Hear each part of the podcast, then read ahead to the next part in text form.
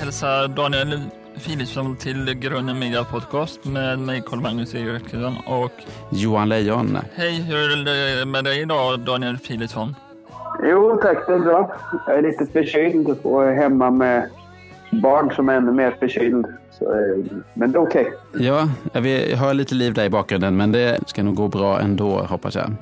Det kan bli värre. När Greta Gris tar paus, då, då, men vi, vi ska, jag ska se om jag kan hålla honom i schack här.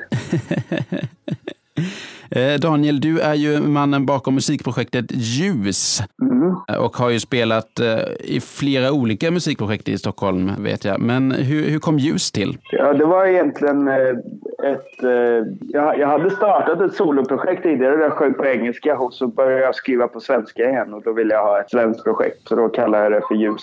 Mm. Jag ville inte ha mitt egna namn så det, blev, så det är inget särskilt med det här namnet egentligen utan det var bara att jag ville ha, kalla det för någonting. Men så det, det startade vi redan 2013 Ja. eh, och släppte en skiva eh, då. Sen så har jag... Ja. Jo, nej, det, det tog, jag skaffade familj och sådär och då blev det lite svårt att, eh, att eh, hinna med musiken på samma sätt. Men nu, fick jag, nu släppte jag en skiva i augusti igen och så har jag släppt lite singlar då och då och sådär. Ja.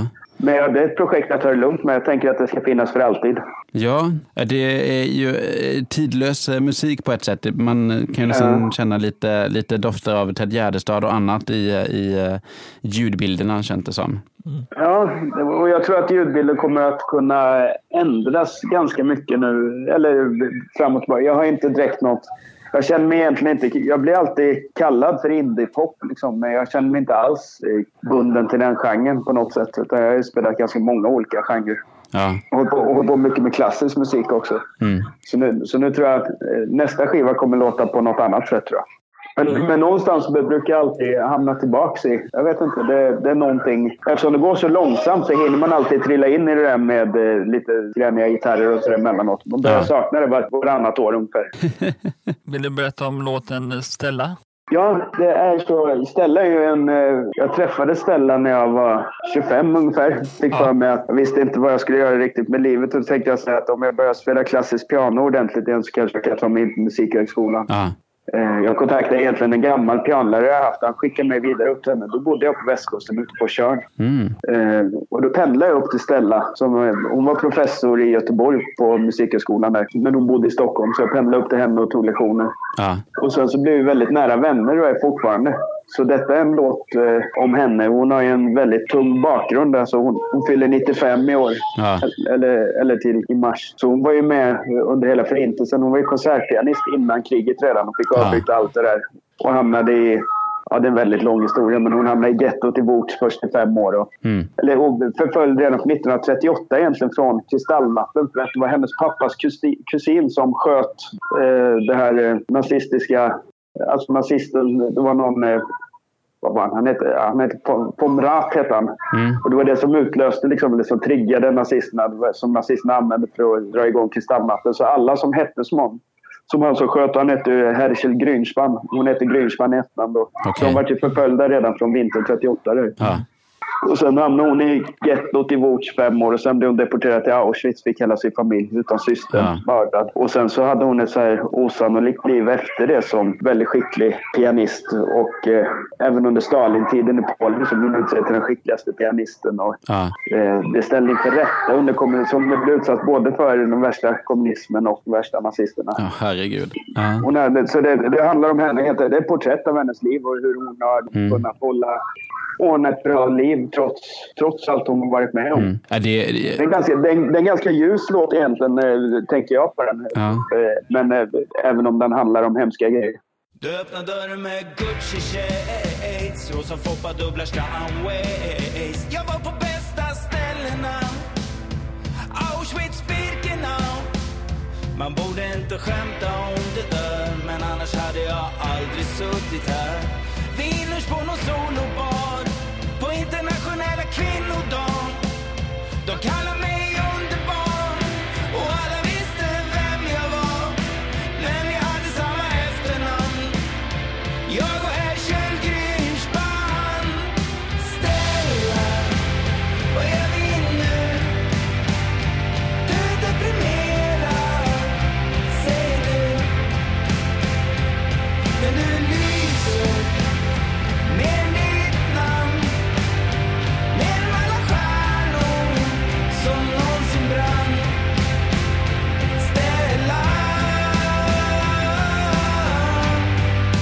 Det är en jättebra låt, bara, bara rent som en, en poplåt och sen så med den texten och berättelsen till den. Jag är, tycker väldigt, väldigt mycket om den och det är ju mm. snyggt så som du har gjort videon med att verkligen lyfta fram den här texten. Det finns ju så mycket popmusik som har ganska intetsägande lyrik. Ja, liksom. Men här, här... Ja, den här är lite krävande. Man behöver nästan vara lite historiskt bevandrad. Ja, men jag tycker den är jätte, jättebra på det sättet som, som den liksom studsar mellan hennes, ja, men hennes tidiga liv och liksom nutiden och sånt där. Och sen också att ja. man är inte riktigt van vid sånger som handlar om 90-åriga kvinnor heller. Så man tänker att Stella är, i början av låten får man ju för sig att Stella är någon, någon gammal romans till dig eller något sånt där, så som det brukar vara i popmusiken. Ja, precis. Och sen så eh, blir det lite konstigt när det helt plötsligt blir eh, koncentrationsläger och grejer, text och ja. sånt där. Nej, väldigt snyggt. Den stack ut lite och jag tror också att här, jag var ju lite den första gången skrev andra meningen. Det var ju som första gången jag träffade Stella. Så sa hon att nästa vecka kan vi inte ha lektion för jag ska hålla föreläsning om Förintelsen. Och jag blev väldigt förvånad för jag tänkte att hon var inte så gammal. Nej. Så sa du, du kan ju inte ha varit med där, sa hon. Och då sa Daniel, jag var på bästa ställena. Auschwitz, Birkenau. och det, så alla de här, det är färgat i den här texten också. Det är ju klockrena citat som hon har godkänt hela vägen. Jag har gjort jättemycket intervjuer och ja. långa samtal med henne. Så det, det är ordagrant och det stack i ögonen på många. Och jag tror att många inte, alltså många som ryggar tillbaka när de hör den. Så här får man ju sjunga. Vem är jag liksom att få? Hur kan jag ha mandat att mm. sjunga om detta? Jag är inte själv judisk och jag har inte den bakgrunden. Nej. Men vad jag märkt är att det är framförallt judiska personer som har, eh, som har vågat lyfta låten. Ja. Till exempel om man kollar i radio så, har den inte blivit spelad någonstans förutom i Nordegren och Epstein. eh, alltså som en talkshow. Liksom. Det, det, är ganska intressant tycker jag. Ja. Det är inte de som brukar spela popmusik i första hand. Nej, verkligen. Så, så, så den, den, sticker ut. Jag är väldigt stolt över den låten. Det är en sån där som jag inte kommer kunna skriva så många om. Alltså, man blir lite utmattad efter man har skrivit. Ja, man känner, så, här, så här viktiga låtar eh, skriver man ju sällan. Mm. så, så blir man mest ledsen. Då bara så här, vad ska jag göra nu? Ja. Det är ju en jätteintressant debatt om så här, vem som får företräda att berätta någon annans historia och så. Man måste ju ja, precis. verkligen trampa försiktigt där. Men jag vet inte, från, från, ja. från, min synpunkt så är det ett otroligt fint arbete du har gjort. Ja, och jag har fått bekräftat av hennes son också som lyfter det som det viktigaste porträttet av honom. Och det har skrivits väldigt mycket om Stella. Ja. det är många som känner till henne. Någon speciell person. Men hennes, hennes son tycker att det är absolut det, det, den rättvisaste bild av henne som finns. Så det, och då känner jag att jag har gjort ett bra jobb. Ja, de bästa platserna. Mm. Du har spelat in dina låtar i Vasastan hemma hos folks vardagsrum. Hur kommer det sig? Jag har en studio i, i Vasastan där jag spelar in det mesta. Och sen så har jag lagt på saker. Jag åker hem till folk när, man, alltså när det blir lite knivigt på till så kan jag åka hem med mikrofon. Och jag har en låt som heter Vendetta till exempel. Då har jag spelat in den på lite olika ställen. Då har jag lagt basklarinetten. Eh, som, det är göteborgaren Nils Berg som spelar den. Ja. Då, då åker jag hem till honom och spelar in det i hans vardagsrum. Eh, och så är det Sami Al Fakir på tuba. Då, då letar jag upp honom där han är och spelar in det. Så jag åker runt lite och spelar in där de finns. Mm.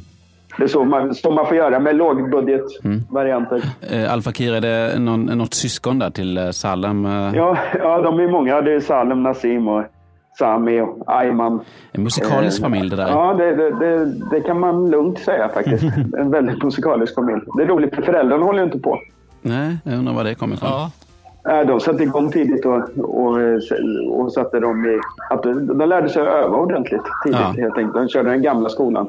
Mm. Lite otypiskt, inte riktigt svenska skolan heller. Alltså de hade svenska lärare, flera av dem, men de, de förstod att det var viktigt att öva på tidig ålder. Ja. Jag tror det handlar om det. Så de har jobbat väldigt hårt och är jätte... Och så naturligtvis eh, eh, så är de naturligtvis väldigt musikaliska. Ja.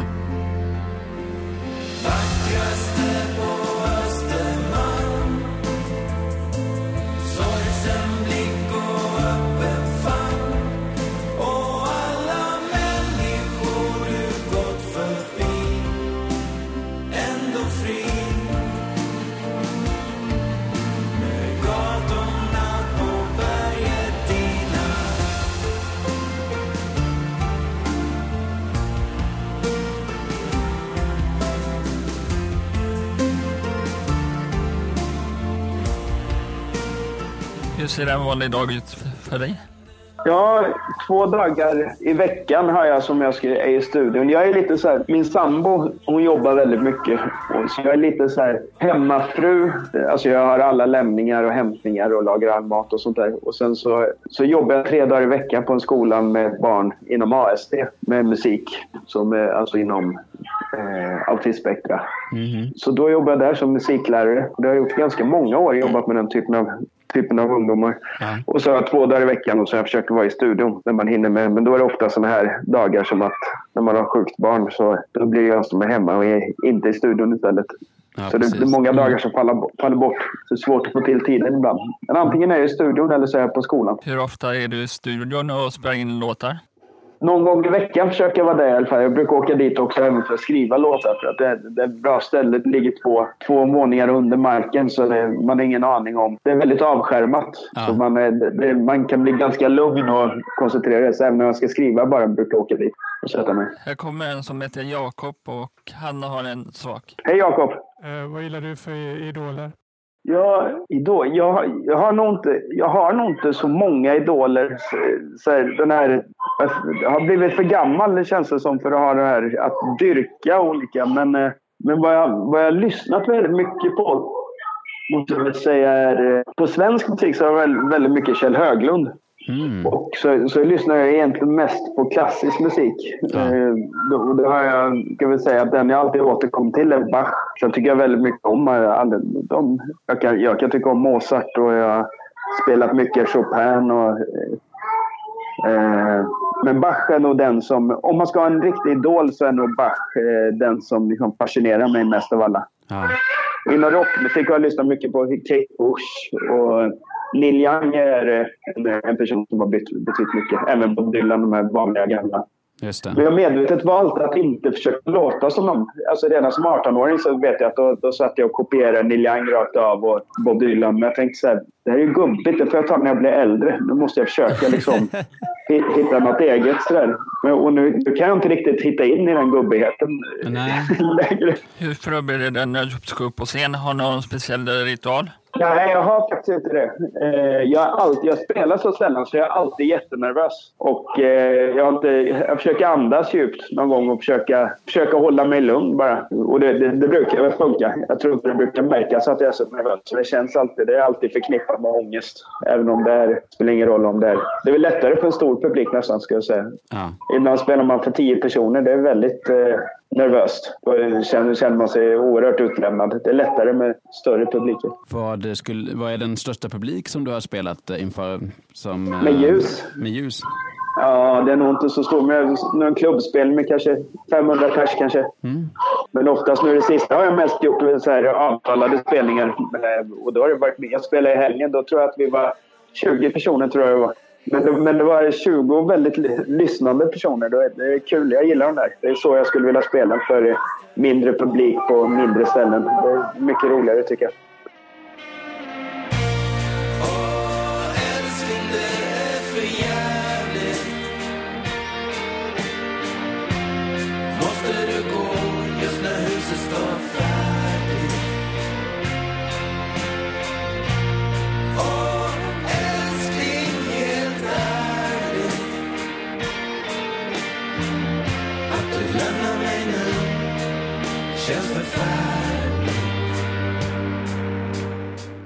Om du musiker, vad skulle det vara då? Ja, du, det är en bra fråga. Jag, jag, är, eh, jag håller på med musik enbart för att jag kom inte på någonting annat som jag tyckte var spännande. Jag tror inte att jag tyckte det var så jättekul med musik heller faktiskt. Jag var, det, där- det där med att ha ett jobb överhuvudtaget var något som jag vände mig emot fullständigt när jag var yngre. Men eh, nu, nu kan jag säga att det finns... Om jag skulle göra om saker så skulle jag nog kunna tycka det var kul att jobba med andra saker. Att, eh, antingen med... Eh, det finns, man kan göra mycket nytta inom juridik till exempel. Och, eh, alltså om man står på rätt sida. Eh, och, och hjälpa människor med större grejer. Så där. Jag skulle tycka det var kul att jobba även med klimatfrågor eller sådana saker. Ja. Och det är också lite svårt med den här med musikhögskoleutbildning. Men jag tycker nog att nej, men jag, jag är nöjd med valet kring musik för att det blir åtminstone aldrig tråkigt. Ja, du är ju väldigt bra på det får man ju säga. Så att, eh, det känns som ett, som ett eh, ganska bra val att ägna sig åt. Ja, Vad var det svåraste att spela in eh, dina musikvideor? Ja, det svåraste är ju att eh, alltid den här känslan av att när man ska... Eftersom jag tjänar inga pengar på den här musiken utan jag går ju alltid back igen på eh, musik jag håller på med. Eh, de här ljusgrejerna. Och då är det svårt att...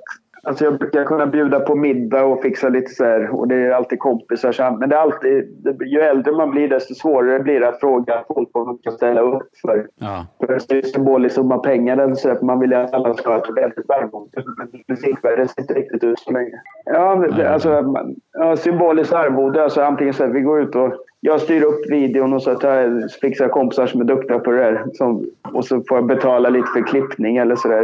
Mm. Jag jag gjorde en video till en låt som heter Vendetta och den, den klippte jag själv. Då får jag liksom ladda ner ett program och lära mig det där. ja, Eh, Så det svåraste är väl just... Jag tycker det svåraste är att fråga folk om de kan ställa upp utan att de får skäligt betalt. ja. Jag tänker att det, det är just lite det här kreativitet inom begränsningar. Både videon till eh, en eh, Stella och Vackraste på Östermalm är ju, är ju Ja. långa enklippsvideos som Ja, eh, på någon, något sätt ändå blir eh, ganska hypnotiska. Speciellt eh, Stella liksom med texten på det sättet. Och det är ju också Ja. för att du har en, en text som håller tittaren intre, lyssnaren intresserad. Liksom. Ja, och, det, och den, är också, den ville jag verkligen att det viktiga här är texten. Ja, Så det är ju inte en video på det sättet. Jag vill ha något symboliskt. Jag vill ha unga människor som gick framåt ja, eh,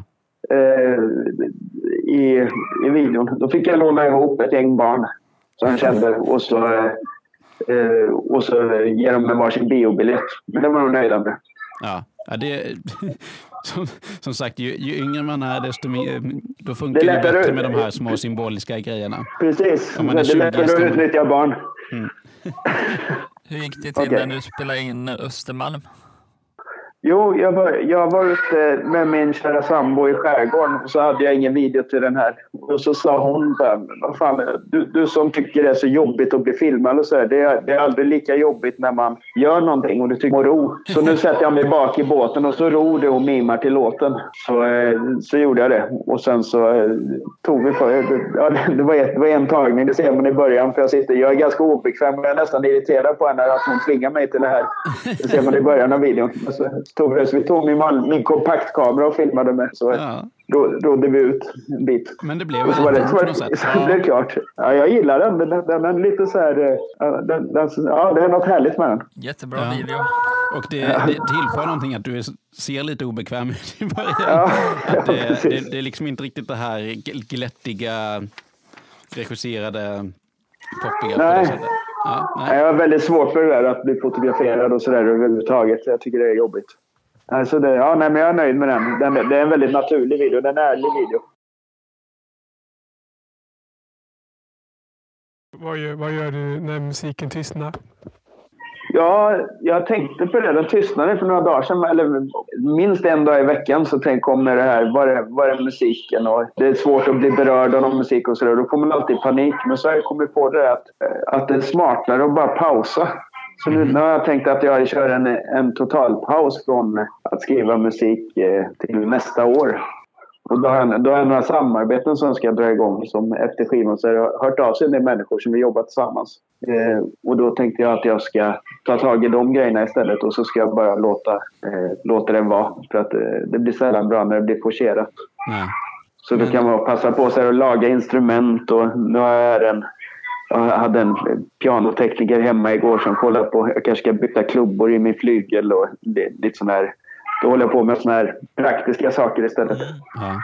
Men är det en, en uttalad paus att du liksom säger nej men nu gör jag ingenting förrän eh, detta datumet eller vad som helst? Ja, eller att jag inte känner mig tvingad. Jag bestämmer mig för att inte känna mig tvingad till det. Sen om det dyker upp någon låt. Eller råkar jag faktiskt göra det i morse så, så skrev jag faktiskt en, en låt. Men, eh, eller skrev en låt. Jag, jo, den var nog färdig musikaliskt men eh, så jag spelade in på diktafon sådär. Som för att komma ihåg. Men, eh, men annars så... Eh, det, det, om det kommer något till mig, jag sätter mig inte och försöker, försöker komma fram till någonting. Så jag samtidigt, jag har ett instrumentalprojekt som jag jobbar lite med nu med några vänner också, så det är lite fullt upp där att jag ska spela in lite blås, lite tubor och klarinetter och sånt. Så, Och det tar också lite tid. Hur många instrument kan du spela? Ja, det är inte så många. Jag kan inga, jag kan inga blåsinstrument och inga stråkinstrument. Jag kan väl, och jag, är, jag säger att jag är ingen instrumentalist. Jag är vass på, på klassiskt piano liksom är någonting som jag har varit väldigt duktig på. Ja. Så, så jag kan spela väldigt snabbt på piano. Men eh, annars så är det... Jag märker varje gång jag spelar in gitarr att det är liksom så här, oj, jag kanske borde ha övat någon gång i mitt liv eh, istället för att bara sitta och banka. Liksom så här. Eh, men jag känner att det instrument som jag skulle vara mest hemma med, det, det är nog bas egentligen. Mm. Det tror jag att jag skulle kunna bli riktigt vass på. Men så spelar jag, jag kan lägga lite trummor och sådär så jag kan spela in. Om det är inspelningsgrejer som man kan ta om och sådär, då kan jag spela lite trummor eller bas och gitarr. Så jag spelar det mesta på skivan som inte är, förutom trummor, blås och stråk har jag nog ingen på den här skivan. Nej. Ehm, nej. Så, nej, men de, de här vanliga musiksalsinstrumenten kan vi behärska hyfsat. Vad lyssnar du på musik på Spotify just nu? Ja, vad lyssnar jag på just nu? Jag, jag fick en sån här... Det, det fick man ju se vad man lyssnar på. Då märker jag att jag mest använder det i undervisningen. Så det är inte den musiken utan det är ganska mycket så här topplistenmusik och så för att få, få den musik som barnen önskar och, att spela. Så det är mycket sånt som går på mitt konto. Mm. Ehm, nej, annars, annars vet jag inte riktigt. Just nu så har jag upptäckt något nytt nyss. Nej. nej, nej, jag tror inte det. Och jag är lite dålig på det där att hålla mig uppdaterad. Ofta så lyssnar jag... Jo, eller en sak som jag lyssnar på mycket. Det är ett nytt eh, jazzband. Från Göteborg egentligen tror jag. Alltså det är Josef Kalledal, Nils Berg så vet jag faktiskt inte vad de andra heter för jag känner inte dem. Eh, De, men bandet heter Here's to Us. De släppte precis en, en skiva som är helt fantastisk med eh, det är tre blåsare och kontrabas. Mhm. Som är, det är jättefint. Det är inga trummor med vilket gör det väldigt härligt och eh, luftigt. Here's to us alltså. Ja. Mm, ja, men det får vi Det, det, det är en stark re rekommendation. Mm. Det är spännande. Och så lyssnar också. Jag var och spelade med just Nil- Nils och Josef i helgen. Och de, de har ju Nilsberg CinemaScope heter ju ett annat. Det har jag också lyssnat väldigt mycket på. Det tycker jag är fantastiskt bra. Då spelar de ju till, eh, till eh, videosnuttar som de hittar från olika delar på, på nätet. Olika delar av världen. Ja. Och sen så nu satte de upp en konsert som, där de var residensmusiker i Västerås under ett år som heter Dina grannar. De träffar olika, olika människor och Finska föreningen och eh, vad heter det, lite ungdomar ute i Vallby heter det. Och Ja. någon riksspelman och sådär. Och så komponerar de musik till det som de Eh, som de här, den musiken de framför så samkör de liksom och spelar live. Det, där. det är väldigt fint alltså. Men de, träffar andra musiker och eh, Ja. skriver musik inspirerat av dem då? De, de, fil- de filmar eh, andra musiker när de spelar och sen komponerar de musik kring det. Om någon sjunger en melodislinga till exempel eller så, där, så, så, så komponerar de musiken till det som de har spelat in. Antingen spelar de in själva, så de var nere nu och spelade in någon sångare i Indien. Eller så hittar de gamla klipp på Youtube från eh, olika delar av världen som de eh, skriver, komponerar musik kring. Spännande. Det låter ju lite, lite liknande Christian Gabels eh, 1900-projekt om du har hört det? Ja, det, det har jag faktiskt lyssnat lite grann på. Det är väldigt fint. Ja, Det, det är någonting som jag hörde för första gången för några veckor sedan. Ja, Men, eh, för ja, det är jättefint. upphittade, upphittade band och sånt, som man, inspelningar som man inspireras av och sen Ja. pusslar ihop. Ja, det visste jag inte, men, eh, ja, men det, det, då är det absolut liknande. Ja. Det är härligt. Det, är något fint med det här eh, arkivrotandet, liksom att hitta saker som inte... Det är samma med... Jag funderade ett tag på om jag skulle göra nästa skiva med ljus byggd på bara samplingar. Det skulle vara lite roligt för att det är någonting som bara hiphopen håller på med annars. Ja. Nu, finns, nu finns det ett svenskt bolag som, har, liksom, som håller på att ta över eller förändra hela samplingsvärlden där man inte behöver be om tillstånd. De bygger upp ett enormt samplingsbibliotek med... eh, De har signat över 100 skivbolag Okej. runt i världen och fått med sig, vad heter han, Tom Silverman, han som, han som spelade in den första hiphopen i, i New York. Ja. Fått med hela det, Tommy Boy Records, hela deras arkiv och alla amerikanska hiphopare är med i det. Så, så där kan man då ladda ner låten och använda den. Sen släpper man det på licens och då, då får alla betalt. Det är pre-clearat om man säger så, så man behöver inte be om lov för att använda de här grejerna. Så då kan man digitalt sitta och och göra det. Och då, och, då, och då behöver man egentligen inte betala för det, utan då är det så här den förtjänst som eh, din samplade låt skulle få skulle bara fördelas upp? Det finns, det finns tre kategorier. Det finns 50 dollar, 500 dollar och 5000 dollar. Okej. För, eh, men eh, om man håller sig i lägsta kategorin så, så kan man använda det där. Och det betalar man när man släpper låten. Alltså då, är- då, då, inte för att ladda ner låten och jobba med den utan men när man är klar med det och känner att det här vill jag släppa. Ja. Då har den någon vattenmärkning i ljudfilen som gör att det här letas upp snabbt eh, och så kan du få betalt automatiskt. Så man Häftigt. slipper tillfrågan. och- Så Ja. de har förändrat hela juridiken i musikbranschen. Ja. Utan att, och det är bättre för alla. Bättre för skivbolag, förlag och artister och låtskrivare. ja, och det Så borde det- i sådana fall då kunna tillämpas även på ny musik som inte är samplad, tänker jag att man kan hålla koll på. eh, Exakt. Folk kommer ju absolut vilja släppa och få med det där. Och Mm. den nya musiken kommer ju ut där också med de som har signat med dem. Ja. Men, men de letar ju mest efter intressant musik som, eh, som är rolig att sampla också. Så det, är- det är inte så superintressant för dem att ha senaste... Alltså Universal, Warner och Sony och de här är inte så där jätteintressant att ha med. Nej. Bara för att då, man vill hitta sin unika grej liksom. Ja.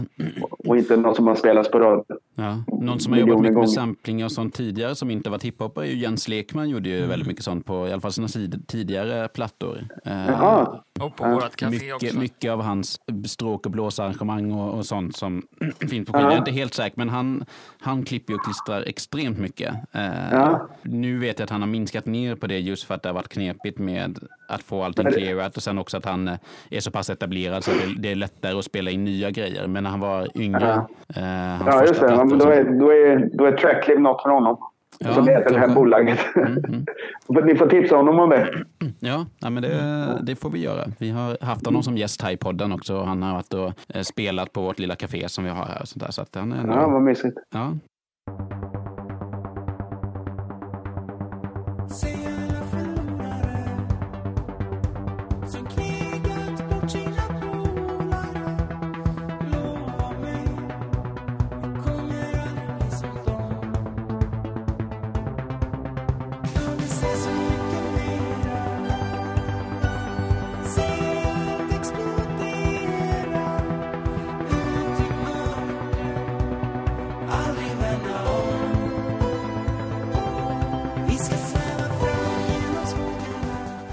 Hur lång tid tar det att producera en EP eller singel?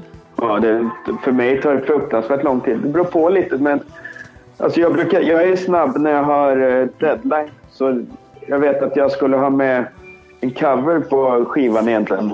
Jag ville ha tio låtar, men så fick jag nej från för, förlaget till att ha med den här låten. Jag var tvungen att skriva en ny och då skrev jag en ny låt, spelade in den och mixade den på två dagar.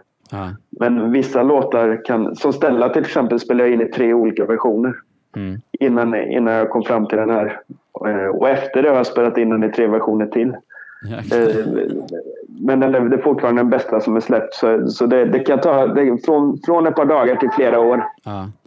Men det är ju lite int- intressant där, för jag tänker att, att Stella är ju en låt som varit väldigt eh, konceptuellt driven, om man kan säga så. Alltså att du har haft en, en historia, en person som du vill fånga på något sätt. Hej Kalle, jag heter också Kalle. Ja, jag säger hej Kalle. Jag lurar på mig så Kalle hör inte Kalle. Ja, så är det. Ja, nej, men det kan ta väldigt lång tid att göra. Jag är nog ganska långsam också. Så jag, jag vet inte. Jag kan liksom vara... Jag kan fastna i saker och, och göra om saker. Och, ja, det, det, det, det, det, jag är lite långsam, tyvärr. Jag önskar jag vore blixtsnabb. Jag tänker jag ska hitta något sätt att bli det. Det blir bättre när man är snabb, eh, oftast. För att man inte hinner tänka så mycket. Eh, nej, men vi har någonting som heter fem snabba frågor, så vi eh, tänker att vi hoppar över till den. Ett glas vatten eller en kopp kaffe? Eh, en kopp kaffe. V- Vendetta eller drik som ett troll. Eh, vendetta. Ljus eller mörker? Ljus. Sång eller pi- piano. Piano. Eh, Spotify eller vinyl? Vinyl. Instagram eller Facebook? Inget av det. Yes, tack så jättemycket Daniel. Tack själva. Vi hörs! Ha det så gott. Hej då.